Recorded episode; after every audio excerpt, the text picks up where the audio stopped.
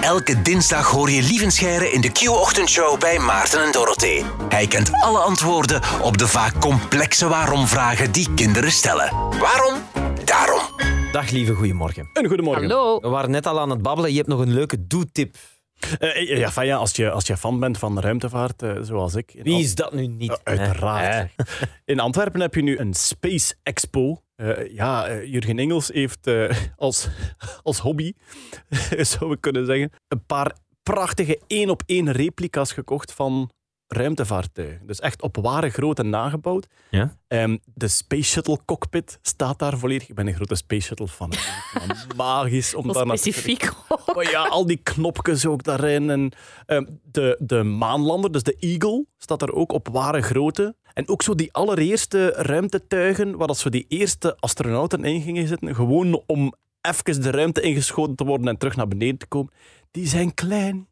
Ah ja. Allemaal nagemaakt of zijn er ook echte... Eh, er, staan een paar, er staan een paar echte objecten, geen ruimtetuigen, maar ik denk ruimtepakken en zo. En, en brieven van astronauten, een paar dingen die in de ruimte geweest zijn. Van ja, het is, Ja, is het een beetje boy in de toy store. Ja, ja. Maar als je zo kijkt naar een replica van die eerste capsuletjes, die van Yuri Gagarin staat er ook trouwens. Ah ja. En als je kijkt naar die capsuletjes, dan denk je, wat een zot moet het zijn om echt in een soort klein aluminium blik, het zal geen aluminium zijn, gasten zoals Yuri Gagarin, die waren ook echt gek, hè? Ja, het waren ook allemaal test, testpiloten die Ah. risico's gewend waren en zo. Maar eh, het zou niet voor mij geweest zijn. De, de maanjeep staat er ook zo op ware grootte, zo die, die jeepjes waarmee dat ze rondgereden. Ja, ja, Cool. ja. En eh, ik heb anekdotes mogen inlezen. Aha. Ruimtevaartverhaaltjes, alle zotte verhaaltjes eh, uit de ruimte. Als de astronauten een keer zot deden en practical jokes. uit. En die krijg je dan in je oren of zo? Met Ja, eh, dat is een, eh, een, luistergidsje. ja, ja, oh, plezant. Maar als je mij nog niet beu gehoord bent. Ja, want zo elke dinsdag bij Dus Q-Music. dat, eigenlijk zeg. De vraag van deze week die komt van Eva. Ze is vijf jaar en ze woont in Roeselare. Waarom komen er bloemen alleen maar in de lente en in de zomer? Een superboeiende vraag. En we gaan al eens beginnen met ons af te vragen. Waarom hebben sommige planten bloemen? En ik kijk nu naar jullie. Eh, iets met de, Ah ja, omdat de dat dan- bijen of zo. Nee, Ik dat weet wordt niet. dan de boom, hè? De bloem wordt de boom. Nee. Oh, inderdaad, de bijen, hè? De bijen. Ik heb een de idee. We kijken voor het antwoord naar Lievensvrijheid. Wel, De bloem wordt de vrucht. Hè. Dat was Ja. misschien waar je naar op zoek was. De Ja. bloem wordt de vrucht. Maar inderdaad, de bloem is een beetje een lokmanier om insecten te lokken. En die moeten bestuiven. Die moeten de pollen doorbrengen naar andere planten. Er zijn, er zijn ook veel planten die zich eh, ongeslachtelijk kunnen voortplanten. Dus die gewoon eigenlijk klonen maken van zichzelf. Alleen is dat niet zo wenselijk in de evolutie, omdat je dan niet kan evolueren. De bedoeling is dat je Ah, ja. met een partner je eigenschappen mengt, zodanig dat de beste eigenschappen kunnen overblijven in de evolutietheorie. Ja. Dus wat wil je? Je wil dat die pollen van die plant overgebracht worden naar soortgenoten. En dus 130 miljoen jaar geleden ontdekten planten, we kunnen dat eigenlijk aan de insecten vragen. Die insecten doen dat niet zomaar, die willen daar iets voor terug. Dus wat is die plant beginnen doen? Nectar produceren. En dat is echt ruilhandel. Hè? Dus die nectar, die plant heeft daar niks aan. Dat is echt eigenlijk gewoon betaling van het insect. Dat die even kan komen drinken, dan blijven die pollen aan dat lijf plakken en dan voeren die dat naar een andere plek. En dat lijkt zo'n soort doordacht systeem. Ja, dat is allemaal gewoon toevallig in de evolutie ontstaan. Wat werkt, blijft bestaan. Dat is eigenlijk een beetje de evolutietheorie. En daar gaan ook immens lange periodes over, in miljoenen jaren. Dus de eerste bloemen eigenlijk 130 miljoen jaar geleden. De eerste bloemen met echt hele mooie kleurrijke blaadjes. Pas 30 miljoen jaar later, 100 miljoen jaar geleden. Ehm, ja, dat zijn allemaal tijdsperiodes die moeilijk te vatten zijn voor ons. Maar om dat even eh, duidelijk te maken, de eerste dinosaurussen waren er 230 miljoen jaar geleden. Dus de dino's, de eerste 100 miljoen jaar van de dinosaurussen, waren er geen bloemen op aarde. Oh. Dat wist ik niet. Ja, dus dan waren het varens en, en naaldbomen. Maar dus als je ergens een tekening ziet van een stegosaurus, hè, dat is die met zo die grote platen op die rug en Ja? die pinnen op die staart. Stegosaurus is een zeer oude dinosoort. Ik denk 200 miljoen jaar geleden ongeveer. Als je een foto ziet van een stegosaurus... Een, foto, ja. Als je een tekening ziet van een stegosaurus met een bloem daarbij, dan kan je zeggen... Ah ja, maar nee, hè. Dat kan hier allemaal niet. Dat zou misschien een goede quizvraag zijn. Wat klopt er niet aan deze tekening? Ja. Voilà, ja, inderdaad. De Tyrannosaurus, eh, een van de recentste dino's, 66 miljoen jaar geleden. Toen waren er wel al bloemen. Maar dus die bloem die moet eigenlijk eh, insecten lokken. Wanneer heb je de meeste insecten? In de ja, lente. Lente en En zomer. zomer. Inderdaad. Dus, en dat, dat is één van de redenen. Dat is niet de enige reden. Dus dat is één van de redenen. Al die insecten beginnen rond te vliegen in de lente. En het is die die je wil lokken met die bloemen. Dus is het ideaal om dan uit te komen. Maar er is nog een andere reden. En dat is eigenlijk de reden waarom heel de natuur opleeft in de lente. En dat is dat dan de zonnestraling weer genoeg energie geeft. En dus, wat is de bedoeling van het leven op aarde? Nakomelingen produceren. En dat doe je best in een periode dat er genoeg energie is. Voor de planten wil dat zeggen genoeg energie uit de zonnestralen, die je met fotosynthese omzet. Ehm, als zo'n plant nectar wil maken, nectar is eh, ja, zoet, is suikerrijk. Waarom eten wij graag suiker? Omdat dat een molecule is die heel veel energie bevat. Daarom vinden wij dat lekker. Met andere woorden, als een plant dat wil produceren, moet ze die energie ergens vandaan halen. Dus heeft hij eigenlijk energierijk zonlicht nodig in de lente en de zomer om die nectar te produceren. Dus nogal een reden waarom dat je het pas in de lente gaat beginnen doen.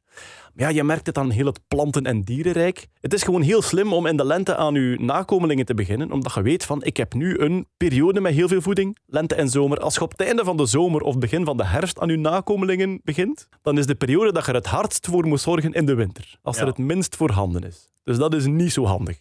En dus daarom beginnen die bloemen eigenlijk ideaal in de lente te bloeien. Er zijn ook bloemen die andere trucjes hebben dan de nectar om eh, insecten te lokken orchideeën bijvoorbeeld. Er zijn veel orchideeën die heel erg lijken op een bepaalde soort vrouwtjesbij of hommel. En dus de mannetjesbij vliegt rond en die denkt van, zie eens daar, dat ziet er een lekker ding uit. En die landt op de orchidee en die paart daar ook echt mee. En dan denkt hij, wat is deze? Juffrouw, doe niet mee vandaag. En dan als die merkt van, ik ben voor de zotschouwen, dan vliegt hij weg. Tot als die eventjes later weer zo'n orchidee zit en zegt, misschien is deze keer beter. En zo brengt hij eigenlijk pollen over. Wauw. En er, zijn zelfs, er zijn zelfs orchideeën die heel specifiek op één bepaalde soort gericht zijn en die zelfs het kleurenpatroon van die soort imiteren. Eigenlijk, een orchidee is een beetje de sekspop van de hommel. Ja, blijkbaar. Zou je kunnen zeggen. Ja. Maar er is één iets wat ik eigenlijk een geweldig poëtisch verhaal vind. In Zuid-Amerika is er een orchidee ontdekt die heel duidelijk een hele specifieke imitatie is van een bijensoort, die echt kleurenpatronen overneemt enzovoort. Alleen, die bij is er niet meer. Die bij is Oh. uitgestorven. Oh, En dus ze weten dat die ooit moet bestaan hebben, omdat die orchidee zodanig hard een bepaald kleurenpatroon imiteert. En nu is dat een soort, je zou kunnen zeggen, een soort spookplant die een dier imiteert dat niet meer bestaat. wow. Amai. Ik vond dat zo'n bijna poëtisch verhaal, dat je overblijft als soort in een orchidee die u beginnen imiteren. Ja. Dat is heel die evolutietheorie. Dat is gewoon prachtig. Je zei daarnet al, bloemen zijn vaak het begin van een vrucht. hè. Daarna komt daar fruit aan. Fruit is eigenlijk een ander soort ruilhandel. Je hebt, eh, de plant heeft ruilhandel met eh, de nectar. Met nectar betaalt ze de insecten om pollen over te brengen. Dan heeft ze zaad gevormd. En dat zaad wil ze ook over de wereld verspreiden. En eigenlijk betaalt ze dan de dieren die fruit eten om zaden te verspreiden. Wat is de bedoeling? Een appel is een betaalmiddel voor ons. En als je de pitjes opeet, die worden niet verteerd. Ja. En die zouden dan elders in de natuur achterlaten. En zo vers- verspreiden dieren dus hun zaad eigenlijk door met vrucht ook nog eens af Ik te heb me altijd afgevraagd waarom Maarten zo graag fruit eet. Dat is... Allee, eindelijk weten we het, hè. Om Ja, zich ja, te ja. verspreiden over de wereld, hè. Eh, Maarten is een zaadverspreider, zo kennen we Ja, ik hem. tot eh, nader order gewoon een toilet, maar... ik Zo kennen we hem wel. Nu, de vraag was, waarom komen de bloemen alleen maar in de lente en de zomer voor? Ja, dan zijn er veruit de meeste, maar er bestaan ook winterbloeiers. En dat klinkt natuurlijk absurd, dat je net op het moment dat er weinig energie is, toch een bloem zou vormen.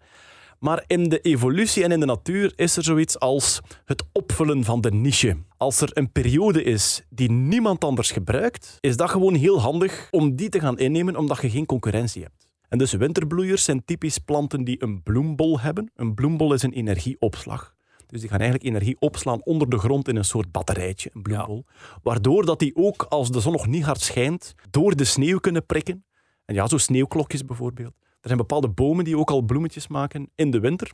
Er is weinig eh, energie, er zijn ook heel weinig insecten, maar er zijn wel insecten in de winter. En als je dan een winterbloeier bent, is er geen concurrentie. Dus er zijn heel weinig insecten, maar ze komen wel allemaal naar u, omdat je de enige bent. En er is nog een voordeel van de winterbloeiers. Als je in het bos bloeit, krijg je alle zonlicht dat er is, want het- er is nog geen bladerdek. Ah ja. Dus die winterbloeiers die kunnen dan met een bloembol eigenlijk door de sneeuw prikken en al dat zonlicht vangen. Samengevat, lieve Scheire.